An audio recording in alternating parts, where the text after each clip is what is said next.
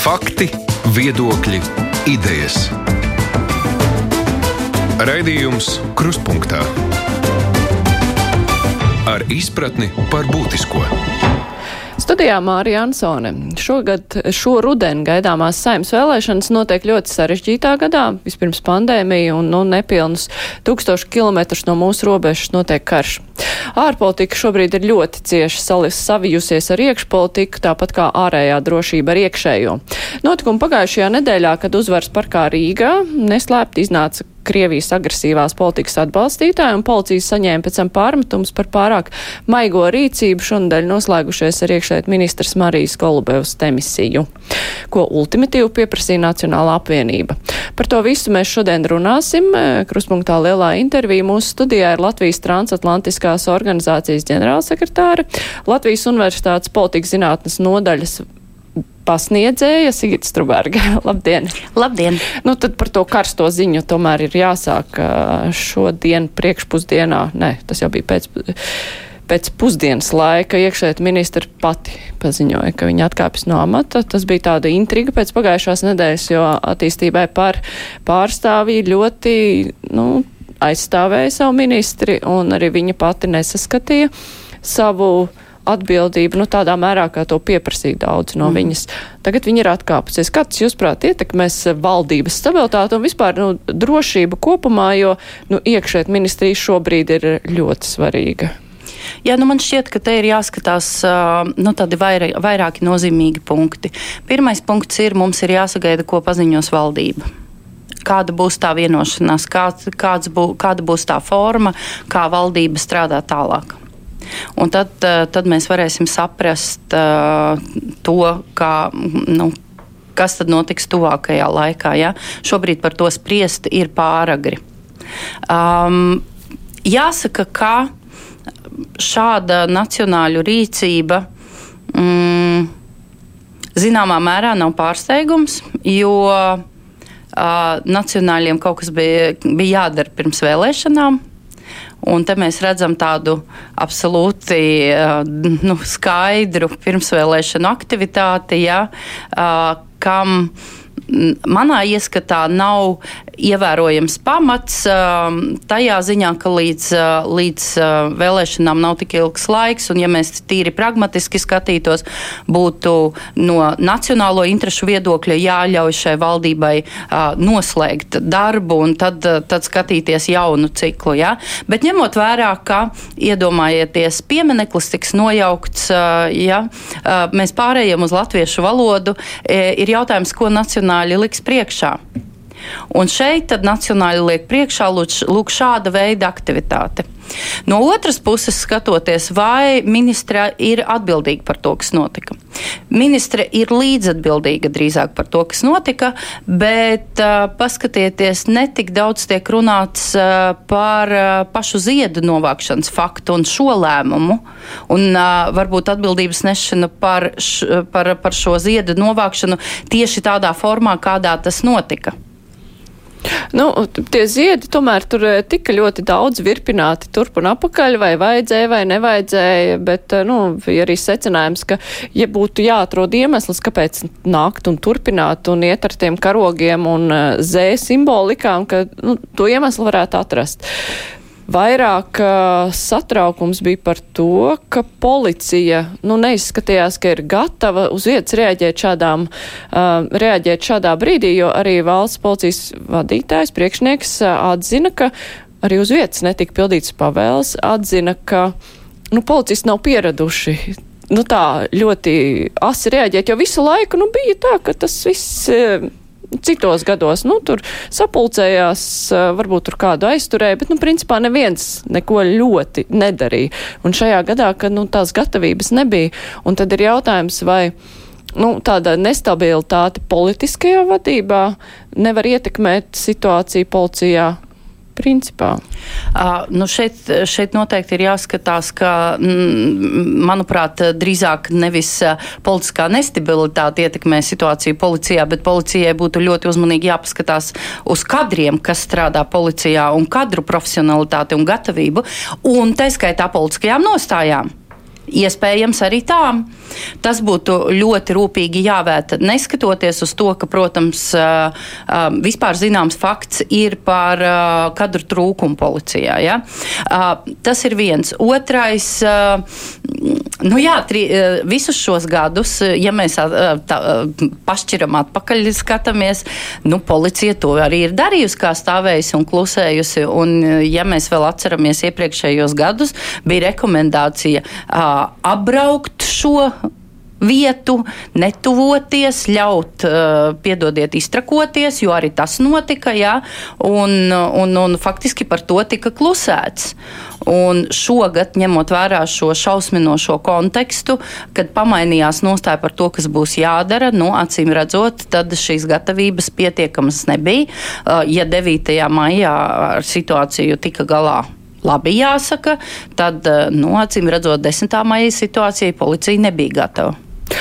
Bet paskatoties uz cilvēku daudzumu, uz to, nu, ko viņi darīja un uh, visu pārējo, kāds jums radās iespējas par uh, nu, lojalitātes līmeni? Uh, Latvijas sabiedrībā. Jo mm. mēs, mēs līdz galam arī nezinām, nu, cik daudz cilvēku tad ir tādi, kas uh, ļoti atklāti atbalsta Krievijas agresīvo politiku, cik daudz ir tādi, kuri, nu, tur kaut kādu brīdi atbalsts, pēc tam pāries, jo tas viņiem varbūt nav tāda svēta lieta. Jo, nu, protams, ir socioloģiskās aptaujas, bet tomēr, nu, šeit mēs redzam, redzējām cilvēkus, kur bija gatavi uz rīcību. Jā, nu, redziet, uh, tādi, kas ir gatavi uz tūlītēju rīcību, uz agresīvu rīcību varbūt arī ir salīdzinoši neliels procents. Bet mani ārkārtīgi uzmanīgu drīzāk darītu tie, kas izvairās sabiedriskās domas aptaujās teikt patiesību vai izvairās sniegt atbildes, jo mēs nezinām, kā šie cilvēki rīkotos stundā X. Un te, manuprāt, ir daudz lielāki riski. Vienlaikus jāsaka, ka tas, kas izskanēja pie pieminekļa, iespējams ir arī šo klusējošo vidū šīs domas. Tāpēc ar šo ir jābūt noteikti ārkārtīgi uzmanīgam. Es patiesi nebūtu optimistiska un neteiktu, ka šādu, šādu Kremļa atbalstītāju procents Latvijā ir neliels. Mums ir ļoti grūti minēt, kāds tas ir. Tomēr tas nav tik neliels.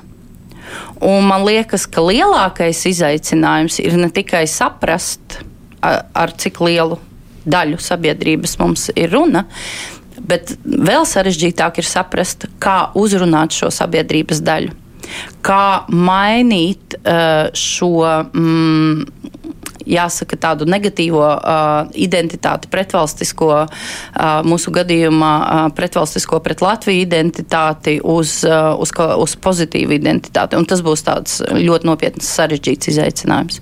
Bet, ja domājam par stundu X, nu, kas, kas ir šī stunda X? Jo viena lieta ir, nu, ja kāds tā aicina uz vietu uz kaut kādām nekārtībām, mm. cita lieta ir, ja nedod Dievs, un arī tas ir neticami ka Krievija pēkšņi nāktu iekšā, un tad, eh, nu, tie cilvēki, ko viņi ņemt ieročus un iet Krievijas pusē karot, nu, teiksim, kādu bīstamību reāli šie cilvēki var radīt ar to, ka viņi, nu, jā, atbalsta, varbūt kāds aiziet uz pieminekli, bet kā Krievija to var izmantot? Krievija to var izmantot dažādos veidos. Viens, protams, ir šis uh, briesmīgākais scenārijs, uh, iebrukuma scenārijs, bet jūs absolūti pareizi norādījāt, ka tas ir ļoti maz ticams jo tomēr Latvija ir NATO dalības valsts un uh, Um, lai arī uh, da, uh, arvien biežāk tiek runāts par uh, Krievijas līdera veselības stāvokli un iracionālām rīcībām, tomēr es nedomāju, ka uh, Krievijas līdera prātā ir arī pašnāvnieciski soļi, kas būtu šāda veida iebrukumi, ņemot vērā Latvijas dalību NATO vai Baltijas valstu dalību NATO. Un viņu diezgan paplucinātos spēkus. Jā, un, viņa, un tieši tā atlicinātos spēkus, jo faktiski tas, ko mēs redzam, ir uh, Krievijas armijas nespēja. Ja? Mm, kas attiecās uz kodola scenāriju, šajā gadījumā nevienu īsti neinteresēs, ko domā krievalodīgie Uh, un arī šis ir ļoti mazs scenārijs, jo tas ir pašnāvniecisks scenārijs. Um, arī militāra iebrukuma gadījumā. Mm, mēs redzējām Harkivā, ka krievalodīgo faktors netika izskatīts kā faktors, vai ne? Neviens nejautās, krie, tu esi krievalodīgs vai tu runā kādā citā valodā.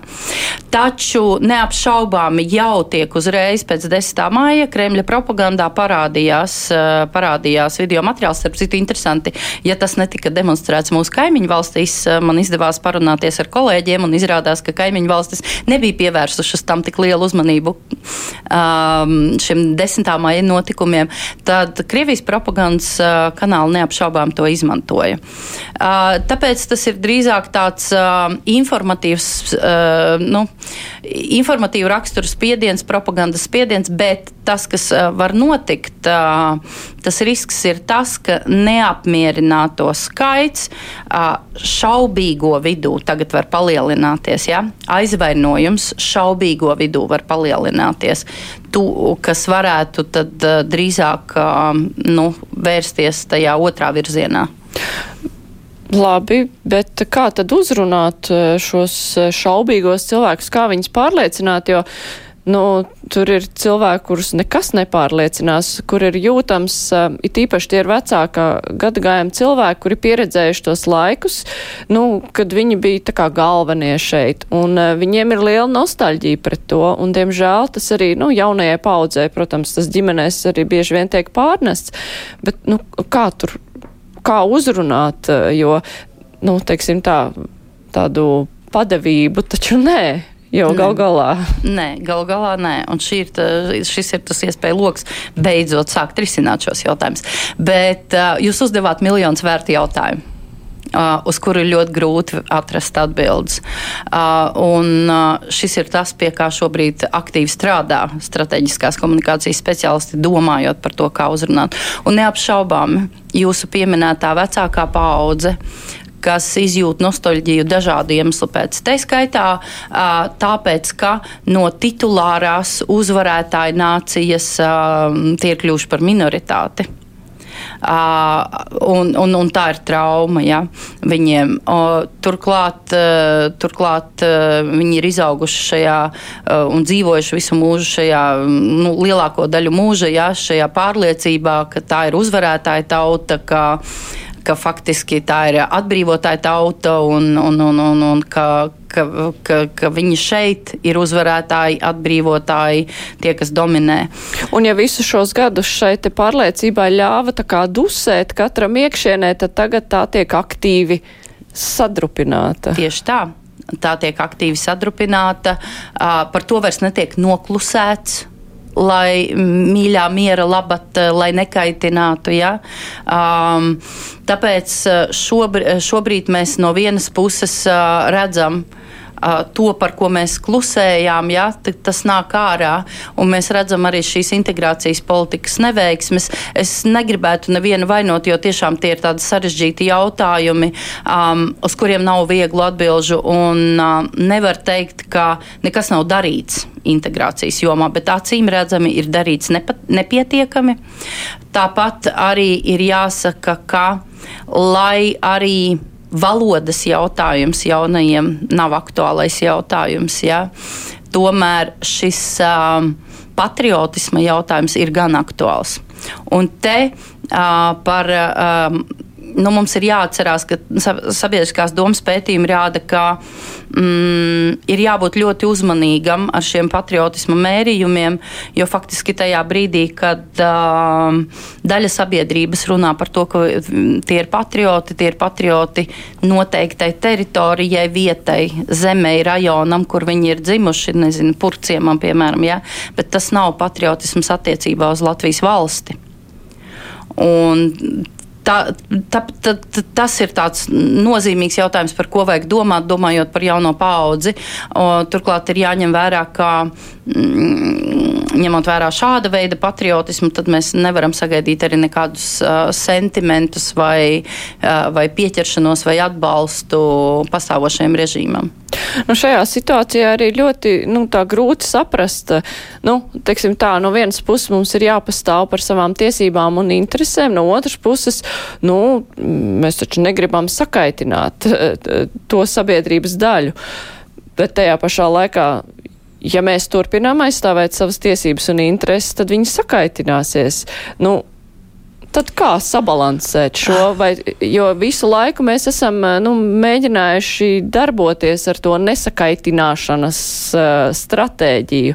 Nu, tagad cilvēki vairs nav gatavi to pieņemt. Jā, un tāpēc man šķiet, es jau pieminēju, ka tomēr es to redzu kā iespēju logu beidzot sakārtot šos jautājumus neatkarīgi no tā sadusmosies vai nē. Tajā skaitā jānojauc piemineklis.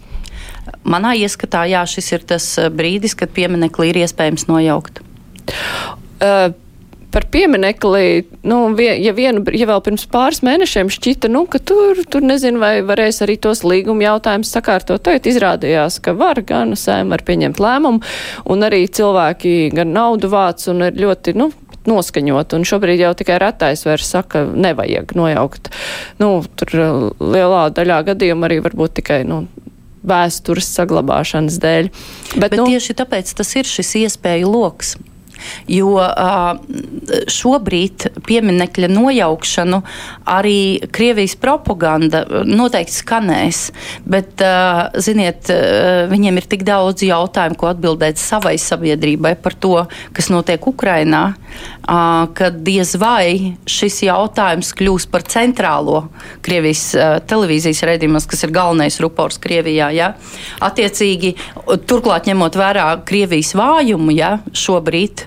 Manuprāt, tieši šis ir iespēja loks, lai sakārtot šo jautājumu. Un pat, negaidot. Un pat, ja šis vēl. jautājums tiek skarts Krievijas televīzijā, mēs jau esam redzējuši, nu, kas.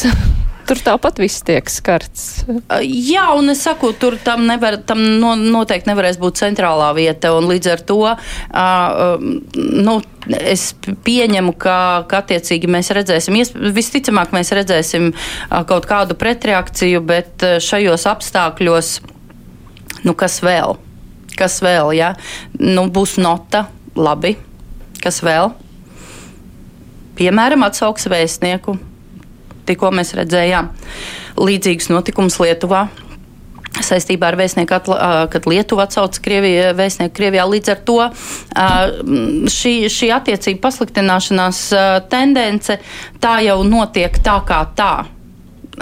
Piemineklis nebūs tās rosinātājs. Droši vien, ka tas, no kā visvairāk vajadzētu satraukties, ir, lai nesākas kaut kādi, nu, tur ielu kariņi lai nesāks nu, kaut kādas vardarbīgi protesti, tā kā Igaunijā, kad pār, pārcēla to Aļošas pieminekli. Mm -hmm. Bet, nu, tur droši vien, ka ir darbs drošības dienestiem. Tad. Tieši tā, darbs ir drošības dienestiem, un, nu, būsim atklāti, 9. maijā to cilvēku skaits bija pavisam neliels salīdzinoši, jā, un arī 10. maijā pieņemsim, tie bija daži tūkstoši, bet tie bija daži tūkstoši. Tas nav milzīgs skaits. Ja? Skaidrs, ka, ka atkal jau atgriežoties pie Krievijas propagandas kanāliem, tie, tas tiks uzdots kā liels skaits. Bet, vai, bet ja agrāk mēs baidījāmies par to, ka tas varētu būt iemesls kaut kāda veida uzbrukumam, tad, tad šobrīd mums ir jābaidās no kā?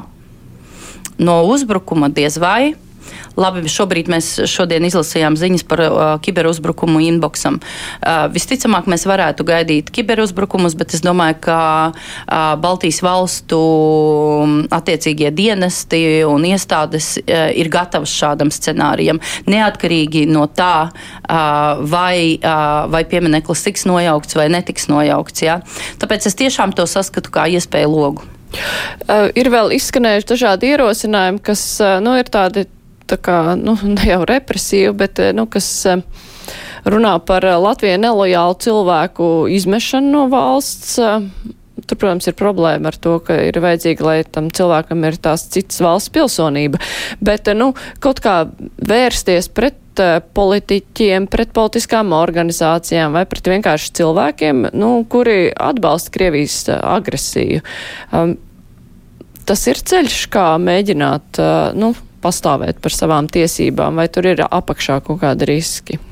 tas ir ceļš, kā noteikti parādīt, ka reakcija būs, ka šī reakcija būs asa uz uh, radikālām rīcībām, bet uh, tas nav ceļš, kā atrisināt jautājumu par uh, daļas krievalodīgo pozīcijām, ja? jo, nu, piedodiet, Latvijas pilsoņus uz kāda pamata jūs uh, izsūtīsiet kaut kur, ja? jūs, uh, jūs varat piedāvāt viņiem izmantot uh, remigrācijas programmas, kas uh, Krievijā ir diezgan daudz, kuras netiek izmantotas, un Krievija gadiem ir piedāvājusi atgriezties, bet uh, tās pilsoņi, un ne tikai tikai pilsoņi, bet arī krievalodīgie kopumā to neizmanto. Um, tāpēc uh, tas ir, es neredzu šo. Um, izsūtīšanu vai izraidīšanu es neredzu kā tādu universālu risinājumu. Tas drīzāk ir tāda pozīcijas demonstrēšana sabiedrības eh, lojalitātes celšanā, nu, ko var izdarīt politiskās partijas? Šajā gadījumā ka vairāk jārunā par tām partijām, kurām līdz šim ir izdevies uzrunāt šos vēlētājus. Un, ja mēs ņemam par piemēru saskaņu, kura uzreiz, kā Krievija iebruka Ukrainā, sev pozicionēja, ka mēs neatbalstam. Tajā pašā laikā Tagad, nu, pirmkārt, vispirms parādījās tie reitingi jaunie, kur bija saskaņai popularitāte kritusies, Krievijas Savienībai kāpusi. Un uh, ap 9. māju, nu, tur jau parādās tādi signāliņi, ka viņi un mēs, mēs uzvaram, mēs un piemineklis. Nu, viņi šajā gadījumā izmanto situāciju, lai kā mēģinātu to sabiedrības daļu nomierināt, vai gluži otrādi? Kā, kas tur pa kustību notiek tāda? Nu, manuprāt, pat ja Krievijas Savienībai pieaugs uh, reitings, tas nebūs ievērojams. Uh, tā, tā negūs ietekmi saimā, ja mēs tā sausi kalkulējam ļoti pragmatiski. Ja? Kas attiecās uz saskaņu, nu, tas ir saskaņas uh, darbības rezultāts, kad saskaņa mēģināja spēlēties, iekļaujot partijā gan radikālāk noskaņotus, gan eiropeiski noskaņotus. Uh, dažādus, um, dažādus cilvēkus, uh, tādējādi uh, maksimāli. Uh, kā, mēģinot dabūt to vēlētāju skaitu, uz to brīdi tas nostrādāja, bet te mēs redzam šīs iekšējās atšķirības, ja, kas saskaņai tad acīm redzot ir jārisina. Savukārt, manuprāt, kas attiecās uz tā saucamajām latviešu partijām, ja, par, kas, kas ir bijušas pozīcijā, mums tomēr, ja mēs domājam valstiski, nevis tikai vēlēšanu ciklu ietvaros, mums ir jādomā par to, kā veidot iekļaujošus diskursus, lai iekļautu arī šos krievalodīgos, tā skaitā šaubīgos krievalodīgos. Nu, viņiem ir jāsadzird šie. Jā, es piekrītu. Un, un tāpēc es teicu, ka miljons vērts jautājums ir par to, kā, kāda, kādu šo komunikāciju veidot, lai viņi sadzirdētu. Bet ir jāatcerās, ka, mm, nu, redziet, nu, tas ir politiķa pienākums, tas ir valstiskas domāšanas pienākums. Uh, nu, tā ir valstiska domāšana, domāt par to, kā šos cilvēkus uh, dabūt savā pusē. Vai mums ir pamats uzskatīt, ka nelojālākie cilvēki ir tie, kuri ir nepilsoņi, vai kuri ir pat apzināti izvēlējušies uh, paņemt Krievijas pilsonību, nevis atbraukuši no Krievijas, bet uh, nu, izvēlējušies, izvēlējušies jā. Jā, šeit dzīvodam Krievijas pilsonību.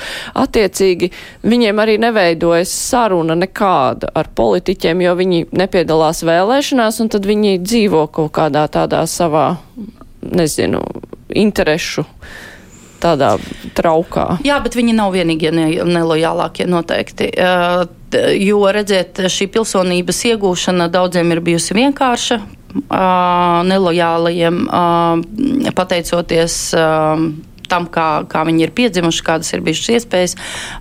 Turklāt arī valodas vai, vai, vai, vai vispār šī testa nodošana nu, nu, tas, un pilsonības iegūšana, tas vēl neliecina, ka cilvēks ir kļuvis automātiski lojāls. Jā? Tāpēc es teicu, ka ir ļoti grūti šobrīd pateikt, ņemot vērā šo klusējošo uh, skaitu.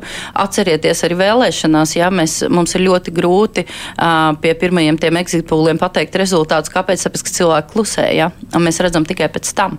Un parasti ir eh, lielākais pieaugums tādām partijām, kuras eh, tiek uzskatītas publiskajā telpā, Jā. nu, ka nu, kurš par viņiem balso. Un izrādās, Jā. ka. Jā, tieši tā, cilvēki par to tie, tieši tā. Tie vēlētāji nerunā par šīm savām izvēlēm. Tāpēc uh, noteikti šie nepilsoņi ir daļa uh, no šīs grupas, bet, tā, bet ne, noteikti arī nevienīgie. Domājot par eh, nākamajām saimnes vēlēšanām, nu, iepriekšējās jau bija tāds tā kā parauga demonstrējums, kas var notikt. Uh, un tajā laikā, nu, tur ne tuvu nebija. Mēs nezinājām ne pandēmijas riskus, par karu nedomājām. Tagad kā šī situācija vai, vēlēt, vai tā strādās uz to, lai vēlētājs kļūst saprātīgāks vai vēlētājs uh, atkal, nu, nezinu, uzticēsies uh, partijām, par kurām neviens neko nevar garantēt. À, nu, pirmkārt, jau vēlētājiem ir tiesības būt uh, tik saprātīgam, nesaprātīgam, vai tik racionālam vai neracionālam, cik viņš ir. Tā ir absolūti brīva izvēle, ar to demokrātija arī atšķirās. Un tāpēc arī ir tiesības izvēlēties arī, lai šo daļu sabiedrības pārstāv dažāda rakstura cilvēki, ko mēs redzam, jā, arī Govzema kunga, piemēram, izpausmēs, jā, ka, nu, ja cilvēki ir ievēlējuši, tad viņiem ir tiesības izvēlēties, neskatoties uz visu to, ko Gobzema kungs runā un saka. Diemžēl nu, tas ir viens no, viena no demokrātijas iezīmēm, ka mm, arī arī daļai nesaprātīgo ir, ir, ir, ir tiesības pārstāvniecību, jā, dabūt savu pārstāvniecību. Bet runājot par šīm vēlēšanu izvēlēm tā nopietni, tad redziet, ir ļoti interesanti vērot, domājot par vēlēšanu ciklu, šos partiju reitingus. Ja mēs redzējām, kā, cik grūti Kariņa valdībai gāja pandēmijas laikā, un cik uh, zemi bija uh, reitingi, vai ne? Tad šeit mēs redzam, ka Ukrainas karš, kas ir milzīga traģēdija, ir palīdzējis vienotībai. Mēs redzam pēc reitingiem, jā, uh, mainīt šo, šo, šo vēlētāju atbalstu, un uh, tāpēc ir jāskatās. Un Un tāpēc vēl jau vairāk jautājums izraisa šī nacionāļu šī brīža darbības, mm, jo vai, vai tiešām tādējādi viņiem izdosies pacelt savus reitingus, Tas ir liels jautājums, jo vai tiešām šos atlikušos mēnešus darbojoties opozīcijā varēs parādīt kaut ko vairāk? Nu, tagad viņiem atklīt, atkrīt problēma ar opozīciju, jo Marija Golubēva demisionēja. Jā, jā un, un viņiem atkrīt, bet. Un, Nu tad, un tad darbojoties pozīcijā un piespiežot šo, viņi jau vai, vai šī Galubevas demisija viņiem dos papildus punktus. Uh, Nu, redzēsim, šaubos, godīgi sakot, šaubos. Jā. Es domāju, ka drīzāk Golubeva varētu iegūt papildus punktus. Nu jā. Uh, par uh, iekšpolitiku droši vien, ka mēs vairs nerunāsim. Latvijas gribētos pievērsties arī starptautiskajai situācijai un tajā skaitā arī kaut kādiem tādām politiskām pārmaiņām, kuras uh, citur Eiropā ir uh, izraisījis karš Ukrainā. Man ir tikai jāatgādina mūsu klausītājiem, ka šodien kopā ar mums ir. Uh, Latvijas transatlantiskās organizācijas ģenerālsekretāra Latvijas universitātes pasniedzēja Sigita Struberga. Mēs tūlīt turpināsim. Raidījums Krustpunktā. Jā, mēs eh, pieminējām mūsu parlamentu vēlēšanas. Šobrīd ir grūti prognozēt, kā karš Ukrainā ietekmēs, un arī vien, ka situācija jau vasaras laikā var mainīties. Arī kaujas laukā, un kas notiks Krievijā, mēs arī nezinām, mēs, mēs redzam, ka arī no politiskās dienas kārtības dažādi jautājumi var ļoti strauji nomainīt viens otru. Bet ja mēs pavērojam to, nu, kā mainās kaut kādi politiskie noskaņojumi Eiropā, piemēram, vai tie virzās uz tādu, nu, tā kā stingrās rokas politikas kursu, vai arī tieši otrādi nu, cilvēki vairāk novērtēt demokrātiju? Vai tagad var kaut kā tā novērtēt nu, kā cilvēku noskaņojumu Eiropā? Es domāju, Francijas vēlēšanas parādīja ja, cilvēku noskaņojumu pir, pirmām kārtām ka, lai arī Makrons netika uzskatīts par, par, par, par, par to mm, nu, ideālu, jā, bet vienlaikus bija cilvēki izprata, ka tas ir mazākais no ļaunumiem, un tas faktiski demonstrēja, kāda veida politiku francūži atbalsta. Jā. Un, ta, un, un tas ir svarīgs vēstījums. Uh, par par citām valstīm nu, mums tiešām ir jāskatās, jāskatās vai šis jautājums būs par demokrātiju vai jautājums būs par uh, to, kā, uh, kā cilvēki saskata drošību un vai tiešām tie, tie obligāti sasaista ar šo uh, stingro roku. Ja? Jo es neesmu pārliecināta, ka mm, Eiropiešu uh, tajā domāšanā šobrīd saliekas tas, ka lūk, Putins, Putins kā absolūtais ļaunums ir rezultāts stingrās rokas atbalstam. Ja? Es nedomāju, ka notiek šāda veida analīze katra, cilvēka, katra Eiropieša mājās ja, vai virtuvē. Drīzāk, drīzāk tas, ko mēs redzam, ir šī vienotība tajā, ka ir jāiestājās Ukrainas pusē, bet vienlaikus mums noteikti būtu jāatcerās, ka tas, cik emocionāli spēcīgi Ukrainas karu izjūtam mēs, neizjūt citas Eiropas valstis. Ir atbalsts Ukrainai, bet uh, tas nav tik emocionāli spēcīgs, jo tomēr mēs to saistam ar sevi. Tas, tas mums ir tuvāk. Mm, tas nav tik spēcīgi citās Eiropas valstīs. Jā, ir atbalsts, bet uh, tas, kas mani patiesi satrauc, ir uh, domas par rudeni, domas par ziemu kad cenas kāps. Nu, un te jāsaka, ka tas satrauc arī attiecībā uz Baltijas valstīm. Ja? Un, un, un tad mēs redzēsim, cik cilvēki ir gatavi maksāt maksas. Lai uh, neatbalstītu Putina režīmu un nepirktu uh, šo gāzi un, un, un, un, un, un, un, un tā tālāk. Ja? Es domāju, tas ir tas satraucošais. Un tas, kas mani uh, šeit Latvijas kontekstā šajā sakarā satrauc, ir, ka es baidos, ka šajā priekšvēlēšana ciklā par šo gatavošanos šīm grūtībām, ar kurām mēs sastapsimies rudenī un ziemā, diemžēl politiķi runās mazāk. Es, patieš, es patiešām ceru, ka varbūt tas notiks, bet tā bažas man ir, ka tas nenotiks pietiekamā mērā, lai cilvēkiem izskaidrotu, ka šajā brīdī ar šīm augstajām maksām uh, mēs maksājam būtībā par savu drošību, par savu brīvību, par savu drošību. Un, tai, un, un, un, un tas ir ļoti svarīgi, jo tajā brīdī, kad tas skar tieši tavu maku, kad tas skar tavas uh, iespējas uh, veikalā ielikt grozā vairāk vai mazāk un labāk vai sliktāku, tad, eh, tad situācija var mainīties. Bet, nu, Eiropa nav tā nabadzīgākā vieta un pandēmijas laikā tā spēja konsolidēt milzīgus resursus, lai kompensētu. Un šajā gadījumā, protams, nu, tas um, krīzes iemesls ir cits un, uh, nu, teiksim, un nav. Mērogi varētu būt citi. Mērogi citi un avots ir cits, jo energoresursi ir kas cits nekā ekonomikas uh, sabremzēšana izgāšanās.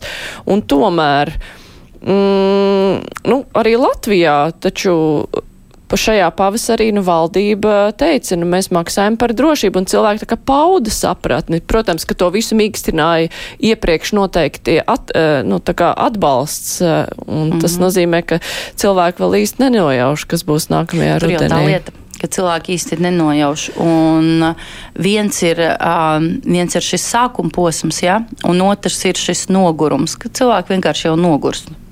Tāpat kā cilvēki nogurst no sliktām ziņām par karu, Starp citu, to pat Ukrainā varēja redzēt. Es ļoti labi atceros, brauka, braucot uz Ukrainu Donbasa kara kontekstā, kad noteiktā brīdī cilvēki, cilvēki vairs nevēlējās pašā Ukrainā par karu runāt, domāt. Piemēram, bija Donbasa tūmā reģionos restorāni, kuros nevēlējās redzēt cilvēkus militārās formās, jo viņi gribēja svinēt svētkus un viņi bija nokuruši no kara. Ja? Tāpēc šis nevajag pārvērtēt šo gatavu gatavību vienmērīgi augsti atbalstīt Ukrainu, ja, un, un, un, un, un, un šo, šo iespēju, ka no kara nenogurst, no kara nogurst un no sliktām ziņām nogurst. Un tad vēl plus ekonomiskie spiedieni, kas acīm redzami sagaidīs Eiropu. Es tomēr būtu ļoti uzmanīgi ar šīm cilvēku reakcijām. Un, manuprāt, politiskajā komunikācijā tiešām būtu vairāk pie šī jāstrādā. Jau šobrīd. Kā saprast to, ko Zelenskis, nu, tas gan bija ārpus kadra, cik var saprast, ir teicis par Makrona sarunu ar Putinu. À, ne, par sarunu ar Makronu, kurš ir teicis, nu, ka Ukrainai vajag atteikties no kādām teritorijām, lai Putins varētu saglabāt seju. Kā tas ir skaidrojams? Kam tas ir vajadzīgs? Kāpēc ir vispār vajadzīgi šie zvani? Tas ir domājot par tām vēlēšanām, viņš tā grib izpatikt kaut kādiem, nu, par nākamajām vēlēšanām, grib kaut kādai vēlētāju daļai izpatikt? Nu, tur ir dažādi aspekti. Viens vēlēšanas viens, bet nemazāk svarīgs ir šis personiskais aspekts paša Makrona sakarā. Jā, Makrons grib būt Eiropas līderis, grib būt iesaistīts. Jā. Um, ko dod šie zvani? Ne, manā skatījumā, ka pat ja Makrons gribētu būt šis vidutājs, jā, jautājums ir, vai Ukraina pieņems šādus noteikumus. Piedodiet, tā nav Gruzija 2008. gadā, bez kuras, eh, ja atcerieties, eh, ja vispirms aizlidoja uz Maskavu un pēc tam sāka Švilī paziņoja, kā, kā viss notiks, jā, pat īsti neru, nejautājot sāka Švilī. Un, starp citu, tā bija Francija, kas tā rīkojās, jā, toreiz. Bet nu, šajā gadījumā tas šajā ieteikums gadījumā tas par teritorijām, tas jau izklausās skandalozi. Nē, nē, šis nedarbosies, un turklāt šajā gadījumā u, vispār jebkādas sarunas un vienošanās bez Ukrainas ir nepieņemamas. Tās nenovedīs ne pie kāda rezultāta. Turklāt es domāju, ka Ukraina ir šī skaudrā apziņa, ka eh, jebkuras teritorijas šobrīd, pat ja tā būtu atdošana uz mierlīguma pamata, tas būtu vienkārši nākošā iebrukuma atvilkšana uz kādu laiku, ļaujot Krievijai uzkrāt jaunus spēkus. Bet nu, tas nav kaut kā tā tulkojams, kā, nu, ka nākamais varētu būt arī domājot par to nākamo grūto ziemu. Nu, vienkārši ieteikums atslābināt sankcijas pret Krieviju, pievērt uz kaut ko acis, tas nevar par to signalizēt. Es domāju, ka drīzāk nē, jo nu, tas. Uh, nu, šie, nu, Makrona un Šolca viedoklis, lai arī tās ir līderu, līderējošās Eiropas Savienības valstis, nu, ir vēl daudz citi viedokļi Eiropā. Ja? Un šai ziņā um, Ziemeļvalstis, Baltijas valstis, uh, Centrāla Eiropas valstis, jā, Čehija, Polija, nu, tomēr uh, šie viedokļi ir daudz stingrāki. Uh, Ungārijas prezidentas paziņojums par atbalstu Ukrainai, tas ir uh, labs pavērsiens? Nu, tas ir labs pavērsiens vai tas ir pavērsiens? uh, Ja mēs runājam par Ungāriju, tad uh, ir, uh, manuprāt, ar Ungāriju ir jāņem vērā, ka mēs, es domāju, ka mēs turpināsim vērot uh, spēli balansēšana starp Krieviju, starp Krieviju un Eiropu šajā gadījumā. Ja mēs paskatāmies eh, Eiropas eh, parlamentā, kā balso Ungārijas pārstāvi, tad faktiski tā, tā ir tāda pro-eiropeiska balsošana. Jā, un cits ir retorika Ungārijā iekšpusē. Vienlaikus eh, šis Krievijas atbalsta diskurss viņš ir bijis un nekur nav pazudis, bet šis jau nav vienīgais, ar ko Ungārija izceļās. Ungārija šai sakarā izceļās arī ar Ķīnas jā, īpašajām īpašajām attiecībām ar Ķīnu, īpa, īpašajām attiecībām ar demokrātiju kā tādu. Ja, tāpēc, mm, tāpēc ar šo e, es to skatītos kā tādu vienu no Ungārijas spēles momentiem. Kā jūs raksturot nu, tādā vēsturiskā nozīmībā Zviedrijas un Somijas stāšanos NATO? Teiksim, ar ko to var salīdzināt, jo nu, šīs valsts ir nu, tik ilgi turējušās, e, pieturējušas savu neutralitāti, un nu, tas ir noticis. Viņš stājas NATO. Jā, nu šis ir ārkārtīgi nozīmīgs uh, pavērsiens. Tas ir ļoti nozīmīgs pavērsiens Baltijas uh, jūras reģiona drošībai. Uh, tāpēc, uh, protams, uh, ka mūsu valstu interesēs tas ir viennozīmīgi. Cits jautājums ir, kas būs jārisina par to, ka lai arī šī, šī jūra kļūst par tādu iekšējo NATO jūru, ja, joprojām ir Krievija ar tās, um, kurai ir jādod šī izēja un kurai ir tiesības um, li, nu, lietot Baltijas jūru, ja, un vēl ir Kaļiņingrada. Bet, nu, jebkurā gadījumā tas ir tāds vēsturisks pavērsiens, un, jo, ziniet, tāpēc, man, manuprāt, viens no precīzākajiem tādiem mm, trā, trāpīgajiem, trāpīgajiem uh, ziņojumiem Facebookā, ko es esmu redzējusi, ir mēme par to, ka uh, Putins ir veiksmīgā, uh, vienkārši veiksmīgākais salesman, tātad pārdevējs uh, priekš NATO šobrīd, ja? uh, jo, jo ar Putina darbībām ir panākta šī vēlme pievienoties NATO. Bet, protams, ka vienlaikus uh, tas atrisina ļoti būtisks jautājums Zviedrijai un Somijai, uh, kas uh, neapšaubāmi izjūt eh, šobrīd ļoti spēcīgu apdraudējumu no Krievijas puses. Bet, eh, nu, Krievija, protams, ir ļoti neapmierināta ar šiem lēmumiem mm. un eh, nu, tā kā tiek gaidīts provokācijas, tur jau parādās kaut kādi lidaparāti, kas ielido mm, iekšējās teritorijās. Ko no Krievijas var sagaidīt tādu? Nu, rea reaģējot uz. Nu, te mums atkal ir jāatgriežas pie tā, ka, Ukrai, ka Ukrainā Krievija tērē tik daudz spēkus, ka kaut ko tādu, nu, kas ir tas tāds, ko mēs varam sagaidīt. Iedomājieties, Krievija nav spējīga dzēst iekšējos ugunsgrēkus, ja? jo visi spēki ir novirzīti uzbrukumam Ukrainai, ja? un, un, un Krievijā ir šie milzīgie uh, ugunsgrēki, kas uh, iznīcina teritorijas. Uh, provokācijas, kā, kā lidojumi un tam līdzīgi mēs, mēs iespējams redzēsim. Mēs noteikti redzēsim arī diplomātiskajā ziņā spiedienus, protestus un tam līdzīgi, bet es domāju, ka. Nu, faktiski tas ir arī viss, ar ko Krievija šobrīd var aprobežoties. Ja vien netiek pieņemts lēmums par šo uh, briesmīgāko variantu, kas ir kodola variants, ko, nu, ka, kam iespējamība ir ārkārtīgi maza. Jo konvencionālas kara darbības kontekstā, nu, es apšaubu, vai Krievijai pietiks eh, šobrīd spēka. Uh, jo tad mums tad mums ir jāskatās, jau šobrīd Ukraiņas kontekstā tiek diskutēts par vispārēju mobilizāciju Krievijā. Ja? Un, ja šī vispārējā mobilizācija būs nepieciešama Ukrainai, lai, lai, lai, lai, lai tālāk cīnītos Ukrainā, nu, tad spēku uz šo pusi vienkārši nepietiek. Turklāt tas, ko, par ko runā analītiķi, ir, ka šī vispārējā mobilizācija varētu samazināt Putina reitingus un varētu palielināt iekšējo neapmierinātību. Lai arī šobrīd mēs redzam pēc sabiedriskās domas aptaujām, ka principā Putinam ir milzīgs atbalsts un ir milzīgs atbalsts arī karam Ukrainā.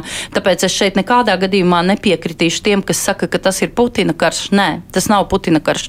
Tas ir arī Krievijas sabiedrības karš jo Krievijas sabiedrība to atbalsta. Bet jautājums ir par to, ka Krievijas sabiedrība būtībā lielā mērā atbalsta karu uh, televizorā. Ja? Uh, un uh, tajā brīdī, kad tā būs vispārēja mobilizācija, tas vairs nav vienkārši karš televizorā.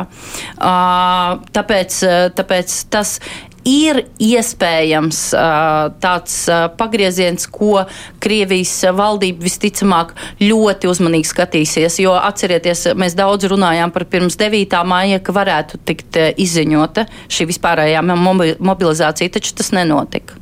Es domāju, ka tieši tā iemesla dēļ, ka mm, Krievi, Krievijas valdība mēģina mērīt šo temperatūru. Starp citu, tas, kas vēl notiek Krievijā iekšā, uh, ir tas, ka pilsētās ir atvērti šie uh, punkti, kur var pieteikties brīvprātīgi algotņi, jā, un, un tur ar dažādiem baloniem, pīrādziņiem un vispārējo tas uz tādas svētku atmosfēras tiek veidots, jā, uh, bet nav jau tā, ka, ka, ka tur, ka, ka, ka cilvēki ir autos, jā, karot. Mums klausītājs vēlas, lai es jums uzdod jautājumu, cik daudz varam ticēt par Putina veselības stāvokli. Esam dzirdējuši jau četras dažādas diagnozes. Varbūt ir zināms, kas vairāk pakomentēt. Lūdzu. Droši vien, ka nav zināms nekas vairāk, nu, ko var zināt par Putina veselības stāvokli. Uh, bet uh, cik tas ir nozīmīgs jautājums?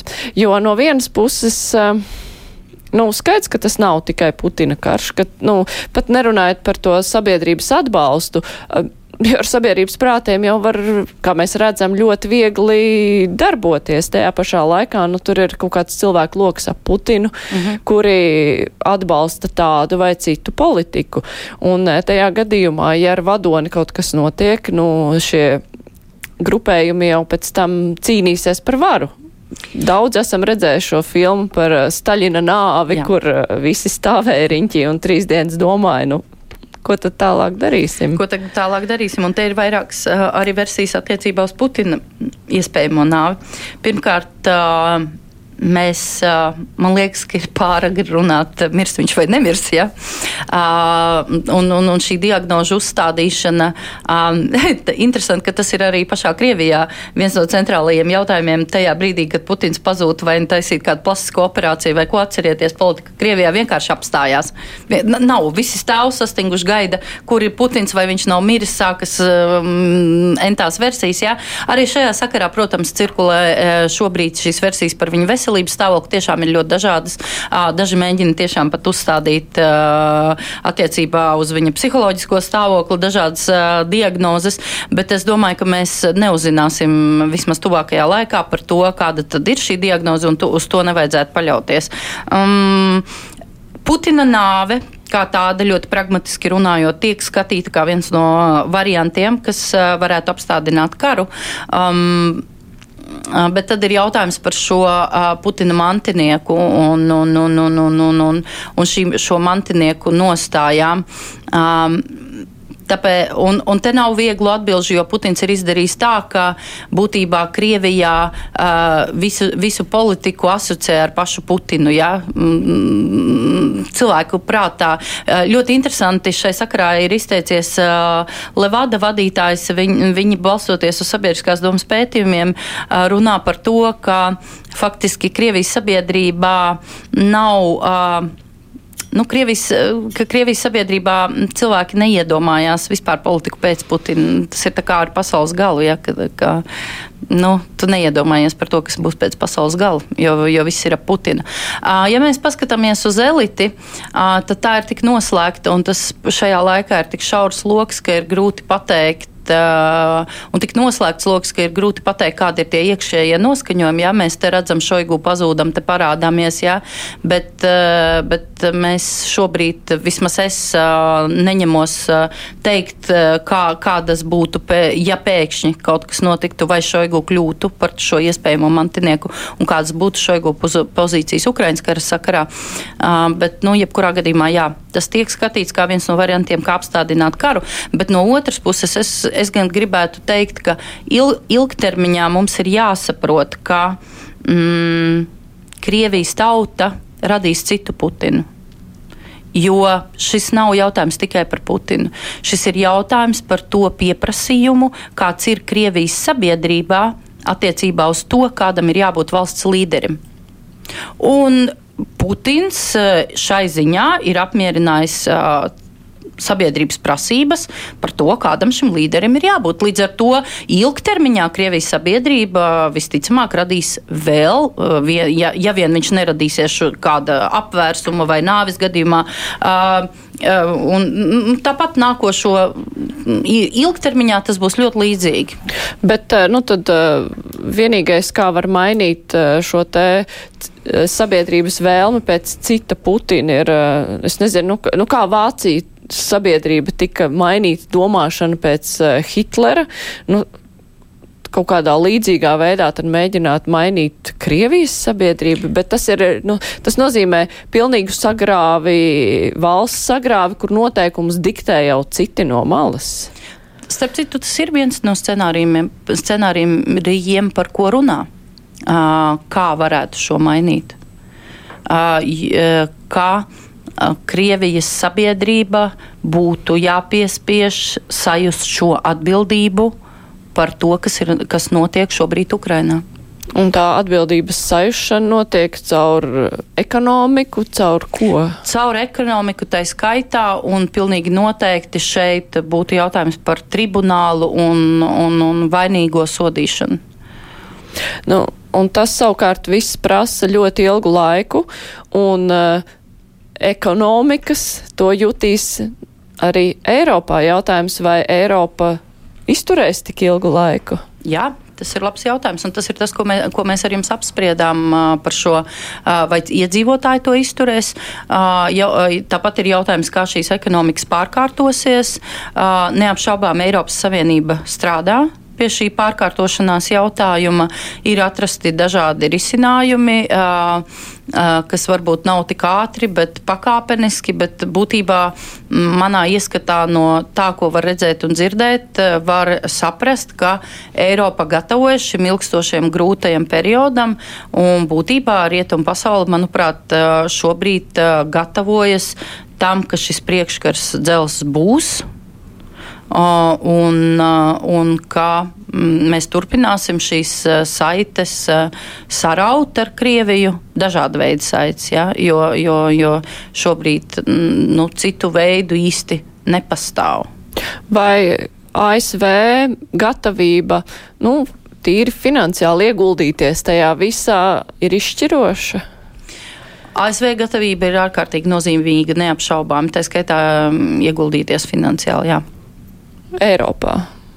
Jā, nu, atbalstot jā. arī, jo tāpēc, ka arī ASV ir uh, vieta, no kurienes nāk energoresursi. Jā, tieši tā, bet nu, šai ziņā uh, redziet, ja mēs runājam par šo slānekļa gāzi, ja, tad te, te ASV atkal ir savas ekonomiskās intereses pozitīvā nozīmē, ja, uh, jo ASV tiek iegūta slānekļa gāze, tā skaitā.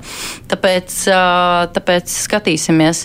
Uh, jautājums ir par to, kā nu, tādā globālā perspektīvā, ja, par to, ka ASV, Eiropa, notikumi Ukrainā ir atgriezuši ASV fokusu uz Eiropu, ja?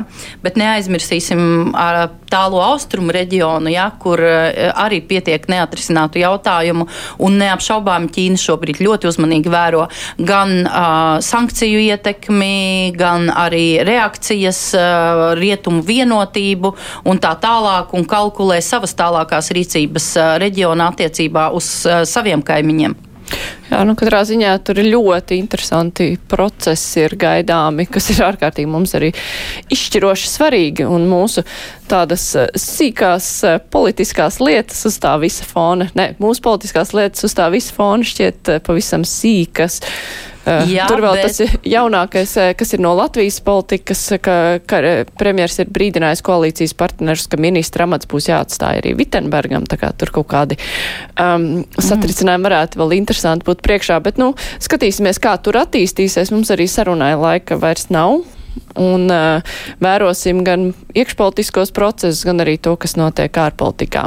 Es saku paldies. Šodien kopā ar mums bija Latvijas transatlantiskās organizācijas LATO ģenerālsekretāre Sigita Struberga, arī Latvijas universitātes pasniedzēja, bet raidījums kruspunktā ar to izskan. Uh, producenti Revija Junāma studijā bija Mārija Jansone. Atkārtojumā klausieties mūs pēc deviņiem vakarā vai arī lejupielādējiet mūsu jauno lietotni. Visu labu! Tiekamies rīt! Latvijas radio jauna lietotne, ziņas, mūzika, 200 dažādu raidījumu un visu Latvijas radio kanālu tiešraides. Radi pats savu radio. Veido savu raidījumu atskaņošanas sarakstu. Mēs tikai ieteiksim to, ko vērts nepalaist garām. Latvijas radio lietotni meklē App Store vai Google Play. Lejupielādē to savā telefonā un klausies Latvijas radio saturu savērtā laikā un vietā. Latvijas radio lietotne pieejama bez maksas un reklāmām. Latvijas radio veicina kritisko domāšanu un saturīgu brīvā laika pavadīšanu.